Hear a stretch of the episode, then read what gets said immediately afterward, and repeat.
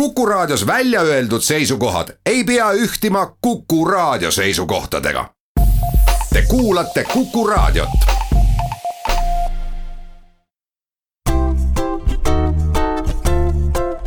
patsiendiminutid, Patsiendiminutid toob teieni Eesti Patsientide Liit. tere, hea Kuku kuulaja, Patsiendiminutid alustavad ja mina olen Kadri Tammepuu täna räägime me värskelt tööle hakanud e-ravimilehest ja muudestki apteegi uudistest, mis äh, ravimimaailma võiks inimese jaoks selgemaks teha. minuga koos on stuudios Tartu Raekoja apteegi juhataja, proviisor Jaanika Tähnas. tere, Jaanika. tere milline elu siis apteekritel suvel on, kas nagu paradiisis, et tööd on vähe, inimesed on tervemad ja käivad vähem apteegis? No paradiisiks, äh, kas me saame seda nimetada sedapidi, aga kindlasti see on äh, oluliselt vaiksem jah. ja, ja saavad ka meie head kolleegid äh, selle tõttu siis ka suve nautida ja puhata kahjuks kõik muidugi päris terved ei ole ja mõned inimesed tarvitavad ikkagi ravimeid pidevalt tõesti, mõnikord on nad ka hädas. tahaks midagi küsida, uurida, aga ei tea näiteks, kas arstil on aega. ja apteekril jällegi vanasti vähemasti oli nii, et äh, ta teab küll ravimitest, aga temal ei olnud jälle aimu, et milliseid ravimeid inimene juba võtab. lisaks nendele, mida ta on ostma just parajasti tulnud ja, ja selles segaduses korra loomiseks tegelikult on ju ka varem välja käidud neid mõtteid, et meil peaks olema üks äh, korralik äh, ravimileht Äh, digitaalne. haigekassa on äh, seda mitu aastat püüdnud ka käima lükata seda e-ravimilehte, aga alati on midagi tähtsamat vahele tulnud. ja viimati, kui nüüd paar nädalat tagasi käis meil saates äh, haigekassa juhatuse liige Karl-Hendrik Peterson, siis tema pakkus välja, et see e-ravimilehe uus tähtaeg võiks olla kuskil järgmisel aastal aga nüüd äh, selgus hoopiski, et Apothekas on juba e-ravimileht kasutusel ja töötab päris hästi, et kuidas siis nii, et apteekrid tegid selle e-ravimilehe ise valmis?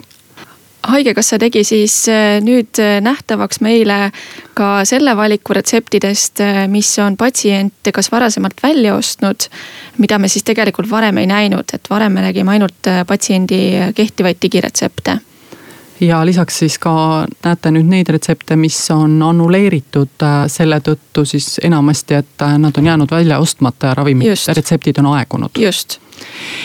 no aga räägime kõigepealt alustuseks lahti, mida see e-ravimileht täpsemalt tähendab no e-ravimileht annab siis põhimõtteliselt nii apteekrile kui ka patsiendile sellise kompaktse ülevaate tema kehtivatest retseptidest ja ka juba varasemalt välja ostetud retseptidest ja patsiendi jaoks on see kasulik siis sedapidi, et äh, kui ta juhtumisi ei kasuta näiteks arvutit, siis äh, saab ta paluda apteekril näiteks äh, selle e-ravimilehe enda jaoks välja printida no sisuliselt on siis äh, tegemist äh, ilmselt umbes samasuguse võimalusega, nagu inimestel endal on täna digiloost, äh, saavad nad vaadata oma retsepte, on nad siis aegunud, on nad siis kehtivad, on nad siis need retseptid, millega on juba ravimeid välja ostetud.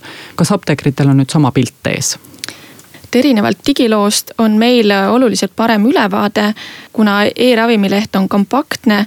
digiloos aga peab äh, põhimõtteliselt igat retsepti siis äh, avama, kui tahta vaadata selle retseptiga seonduvat ajalugu miks see siis ikkagi hea on, et apteeker nüüd näeb ka neid retsepte, mida inimene on varem välja ostnud? kust need äh, sellised kasud mängu tulevad inimese jaoks? et alati ei ole ostjaks siis patsient ise ja mistõttu ähm, klient ei tea, äh, mida tema siis, äh, see patsient varasemalt ostnud on. et kui sellises situatsioonis äh, enne e-ravimilehte pidi klient helistama näiteks sellele patsiendile ja küsima, millised on konkreetselt need ravimi nimetused, mida ta on võtnud, siis antud olukorras saamegi me nii-öelda varasemalt välja ostetud ähm, ravimite nimekirjast siis vaadata järgi, milliste ravimitega on tegu olnud. ja kui seal ka parasjagu juhtumisi on sellised ravimivalikud olnud, mis ei ole olnud patsiendi jaoks kõige soodsamad, siis äh, räägime me kindlasti üle ka alternatiividest, et sama ravimi puhul on olemas ka siis teise tootja ravimeid, mida, mida on võimalik ähm, patsiendil osta, et hoida kokku enda raha mäletan, kui mul ämm saatis meid apteeki, siis äh, tema oli alati väga täpne, et nii nagu tal oli poenimekiri väga kindlate toodetega, nii ta tegelikult ka ootas alati, et apteegist tuuakse talle täpselt seesama äh, rohukarp, mille sees olevaid tablette ta juba võttis ja et ta ei tahtnud neid ähm, ravimeid väga meelsasti vahetada, et kui sageli seda ette tuleb, et inimesed ei taha oma ravimeid vahetada, tahavad jätkata sellesama ravimiga, mida nad juba kasutavad. Üldiselt on nii, et äh, enamustel juhtudel nad siiski võib-olla lähevad üle soodsama ravimi valiku peale. aga loomulikult on ka neid, kes äh, mingil siis isiklikul põhjusel valivad siis ikkagi selle, mida nad on harjunud võtma, sõltuvalt sellest, et äh, kas see hind võib olla mõnevõrra kallim tema jaoks kui nüüd inimene saab aru, milliseid ravimeid ta on välja ostnud, milliseid ta peaks ostma, aga ikkagi ei pruugi need asjad inimesele meelde jääda, et siiamaani apteekrid kasutasid seda võimalust, et kirjutasid äh, karbi peale, et kuidas äh, peaks ravimit võtma. kas äh, on ka nüüd mingisugune teine võimalus seoses e-ravimilehega? ja see e-ravimileht iseenesest on nüüd nimekiri nendest kehtivatest ravimitest ja ka varem välja ostetud ravimitest.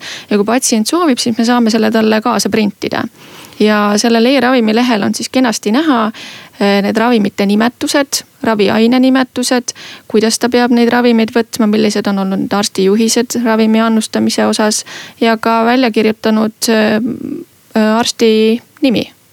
ja seoses nüüd sellega, et, et kui klient tuleb apteeki ja ta ei osta ravimit endale, meenub mulle ka üks hiljutine juhtum just, kus naisterahvas tuli siis oma emale ravimeid välja ostma ja selgus, et, et kuna tal ei olnud kaasas ka ema ravimite karpide näidiseid ja digiretseptide loetelu oli üpriski pikk, siis, siis tõesti ta ei suutnud meenutada iga ravimi nimetust. ja siinkohal tuligi nüüd meile hästi kenasti abiks see e-ravimi leht, kus me nägime ka juba varasemalt välja ostetud ravimite nimetusi. ja sellega me tegelikult hoidsime oluliselt aega kokku. sealt raviskeemist selgusid välja ka mõningad sellised ohukohad et äh, kuidas üks või teine ravim omavahel kas kokku ei sobi, mis võiks nagu käsimüügist välja vahetada valuvaigistite näol. samamoodi saime rääkida ka sellest, kui ähm, patsiendil oli pikaaegne maokaitseravim et millised on siis äh, näiteks äh, ohud sellest tulenevalt, et äh, magneesium ei pruugi imenduda. mis see tema tervise jaoks tähendab, kuidas ta saab toidulauda reguleerida sellega, et millised võiks olla paremad magneesiumiallikad ja kas oleks võib-olla vajalik üleüldse võtta ka lisaks magneesiumi toidulisandina juurde.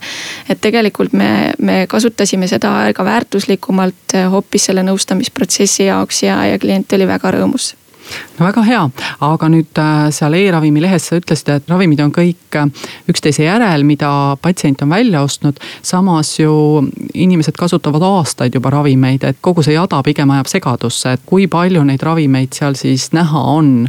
või, või kas need on siis sellised ravimid, mis peaksid inimesele veel alles olema üldiselt äh, see on selles mõttes lihtne loogika sellel programmil, et äh, ta arvutab siis välja, kui kauaks ajaks seda ravimit patsiendi jaoks jagub. ehk et millal see ravim sai välja ostetud, milline on see annustamise skeem. ja kui nüüd juhtub selline lugu, et patsient kas ei võta seda ravimit korrektselt selle skeemi alusel ja näiteks ravimit peaks jaguma kaheks kuuks, siis võib juhtuda, et, et tal tegelikult on seda ravimit üle, aga selle skeemi alusel peaks see ravim tal olema lõppenud. ja sellistel juhtudel siis äh, välja ostetud ravimite nimekirjast kaob see ravim ära. ehk et arvuti hoiab nagu seda loogikat, kui ta järgib oma skeemi õigesti, siis on see ajalugu seal ka kenasti näha ja kui see näha ei ole, siis saab juba ka parandusi teha, et äh, inimesel on ikkagi õige info ees. just. aga teeme siinkohal väikese pausi, peatselt oleme tagasi ja jätkame siis juttu uute uuendustega apteegis. patsiendiminutid, Patsiendiminutid toob teieni Eesti Patsientide Liit stuudios on proviisor Jaanika Tähnas ja Kadri Tammepuu.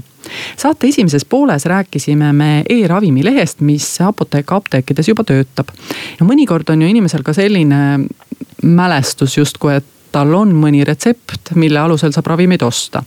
kas siin ka e-ravimi leht kuidagimoodi apteekrile ja inimesele endale abiks tuleb?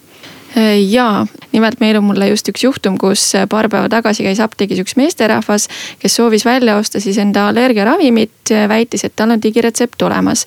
digiretsepti päringul me siis nägime, et tal ühtegi kehtivat retsepti ei ole. meesterahvas aga ei jäänud selle vastusega põhimõtteliselt nõusse ja väitis väga kindlameelselt, et, et see retsept tal olemas peab olema varasematel juhtudel me ei oleks saanud siinkohal kuidagi nüüd abiks olla, aga antud juhul me saime kenasti vaadata et mis siis selle ravimi retseptiga on juhtunud. ja selguski, et, et see ravimi retsept oli tal kahjuks paar päeva tagasi aegunud.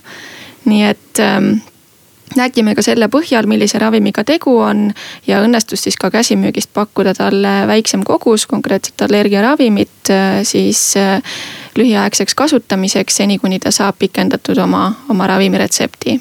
no lisaks veel äh, on ju olnud ka pikad arutelud selle üle, et kas apteeker peaks nägema diagnoosikoodi, et kui me meenutame, siis paberretsepti aegadel oli ilusasti retseptil ju diagnoosikood alati olemas.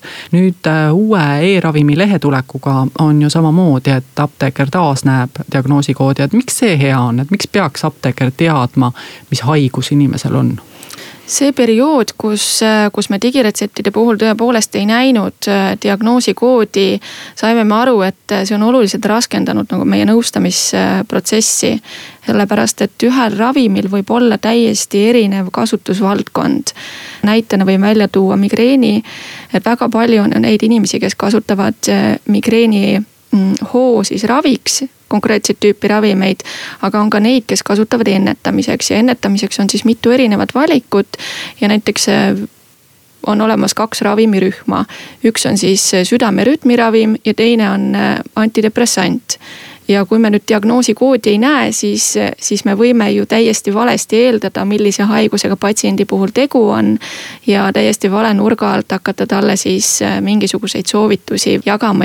tihti on ju need ravimiskeemid ka erinevad, olenevalt haigusest. ja, ja, ja annustamised on ka sellistel puhkudel täiesti erinevad. nii et siis ei ole ka võimalik apteekril tuvastada, kas arst kogemata tegi vea või äh, tõepoolest arst täpselt nii mõtleski, sest noh, mis teha, kõik me oleme ju ekslikud. just aga umbuslikumad kuulajad ilmselt nüüd tahaksid küll teada, et kui apteeker saab järjest rohkem infot tema kohta, et kas siis äh, apteekrid tuhnivad ka inimese andmetes või, või mis seda kuidagimoodi kontrollib, et äh, apteeker kellegi andmeid ei kuritarvita? No kindlasti apteeker ei kuritarvita kellegi andmeid, et absoluutselt iga päring, mida me siis äh, retsepti andmetes teeme, jääb salvestatuks ja, ja neid retsepti andmete päringuid näeb ka patsient ise oma siis äh, digiloost või eesti.ee portaalist. ja sellepärast ei pea küll muret tundma, et, et apteeker käib ja, ja tuhnib ja vaatab patsientide andmeid, äh, terviselugusid, et, et see käib ikkagi koostöös patsiendiga, kui patsient saabub apteeki või esitab mingi infopäringu telefoni teel et, et see on ikkagi ainult patsiendi hüvanguks no väga hää, hea on teada. üks teine huvitav algatus, mida apteekrid on ka ellu kutsunud viimasel ajal, millest ma olen kuulnud, on, et apteekritel on ka oma e-apteeker. kui nii võib öelda ja, ja see on siis selline kasutajatugi, millest näiteks perearstid oma töös väga unistavad ja puudust tunnevad, et kõik see info, mis peaks inimesel peas olema, aga mida ei ole võimalik äh, võib-olla alati õigel hetkel meenutada, isegi kui see peas on. et äh, see oleks olemas ühes süsteemis. kui me mõtleme ainult äh, ravimite infolehtede peale, kui pikad need on ja kui palju sadu on ravimeid. kui palju võimalikke koostoimeid neil on, siis, äh, siis selge, et see info kõik inimestel peas ei ole. nüüd on siis e-apteeker valmis, et kuidas see e-apteeker ilmavalgust nägi või kuidas te selle suure tööga hakkama saite? E-apteeker on äh, tõesti üks selline tänuväärne programm, äh, mille on siis loonud koostöös infotehnoloogid apteekritega. ja, ja see on üks tõeliselt suur töö, andmete kogumine, analüüsimine ja siis programmi sisestamine. ja tegelikult seda infot uuendatakse igapäevaselt kogu aeg, sest et, et see, mis meil täna on uus info ei pruugi juba mõne päeva pärast olla uus. nii et, et tänu sellise programmile me, me saame kogu aeg sellist äh, värs-, värske infoga kursis olla, see on üks aspekt. aga iseenesest see e-apteeker või e-proviisor, nagu me ka seda nimetame mm, on üks selline programm, mis siis võtab kokku selle patsiendi infolehe või meie mõistes siis isegi nagu selle põhjalikuma ravimi info paneb ta märksõnadesse meie jaoks kui apteekri jaoks. ja tänu nendele märksõnadele saame meie siis juba patsienti nõustada ja rääkida talle selle keerulise patsiendi infolehe siis lihtsamasse keelde. no ja ilmselt ei räägi ka seda infolehte ümber, vaid on mingid märksõnad, mida tuleb kindlasti inimesele öelda, et no Just. mis need märksõnad on, millele sa tähelepanu pöörad või? no erinevad äh, näiteks vanusegruppidega patsiendid, kas ta on eakam või ta on noorem, on ta, on tegu lapsega, et siis kindlasti on see annustamise pool, mis vajab äh, aeg-ajalt ületäpsustamist äh, teine aspekt on ravimite võimalikud koostoimed või hoiatused. tihtipeale kajastatakse seal ka võimalikke koostoimed toidu või joogiga. samamoodi siis ravimi võtmise iseärasused, kas seda tuleb võtta enne või peale sööki. Hoiatused äh, äh, alkoholiga koos tarvitamisel näiteks ja ka keelud äh, või hoiatused siis raseduse ajal kasutamisel jah, see on väga oluline informatsioon, sest inimesi väga tihti huvitab, et kas ma tohin siis ikkagi peol väikse veiniklaasi tõsta, kui ma parajasti näiteks antibiootikume tarvitan, aga kas ma siis tohin? no meie seisukoht on, et sellise ravi ajal ikkagi alkohol ja ravimid ei käi kokku tähtis on, et inimene seda teab, siis ta vähemalt äh, teeb teadliku valiku, kui ta otsustab ka seda, seda hoiatust eirata. aga millised ähm, apteegid veel lisaks Apothekale taolist infosüsteemi kasutavad? Äh, lisaks Apothekale kasutavad ka e-apteekrid südameapteegid. Kui ma oleksin patsient et äh, siis ausalt öeldes ma tunneksin küll ennast turvalisemalt, kui ma teaksin, et äh, minu apteeker ei unusta mulle kunagi midagi olulist ütlemata, sest tal on selline vahva kasutajatugi olemas. mis sa arvad, kas äh, selline e-apteeker või e-proviisor, kas see peaks olema ka näiteks apteegi kvaliteedinäidik, et, et need apteegid, kes kasutavad, neil on näiteks mingi märgis küljes? miks mitte, see, see oleks täitsa tore sest et see on üks väga oluline lisatööriist tänu millele apteeker saab oma nõustamist veelgi põhjalikumalt teha. ja inimene tunneb ennast turvalisemalt. just. aga kahjuks on meie tänane saade küll nüüd armutult otsa saanud tänaseks ja võib-olla ma pean sind sagedamini kutsuma, sest tundub, et äh, apteekritel igasugu ägedaid uuendusi on.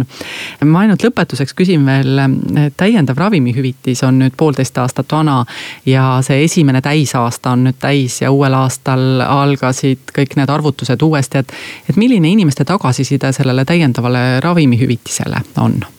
no praeguseks on äh, selline suur torm ja mure võib-olla sellega seoses juba täielikult vaibunud. küll aga on eh, inimesed ära unustanud, et kui saabus uus aasta, siis algas kõik nullist peale. ja, ja võib-olla aasta alguse poole oli meil eh, taaskord rohkem selgitamisi, et eh, miks see ravim tema jaoks siis uuel aastal maksab justkui rohkem, sest et eh, patsientidele tundus, et, eh, et kas ravimid on nüüd jälle kallimaks läinud. selgus aga, et kuna nad olid täiendavat ravimihüvitist eelmise aasta lõpus saanud, siis, siis sellest tulenevalt jah, see, see vahe rahakotile oli võib-olla mõnele märgatav ega ikka head asjad kipuvad kergemini ununema või nendega harjutakse kiiremini kui halbadega, see on ka üks, üks elu seadus. aga suur aitäh, Jaanika, et sa täna tulid. ja täname ka kõiki kuulajaid. stuudios olid Tartu Raekoja apteegi juhataja Jaanika Tähnas ja saatejuht Kadri Tammepuu. Kuulmiseni taas järgmisel nädalal ja seniks olgem terved. patsiendiminutid Patsiendiminutid toob teieni Eesti Patsientide Liit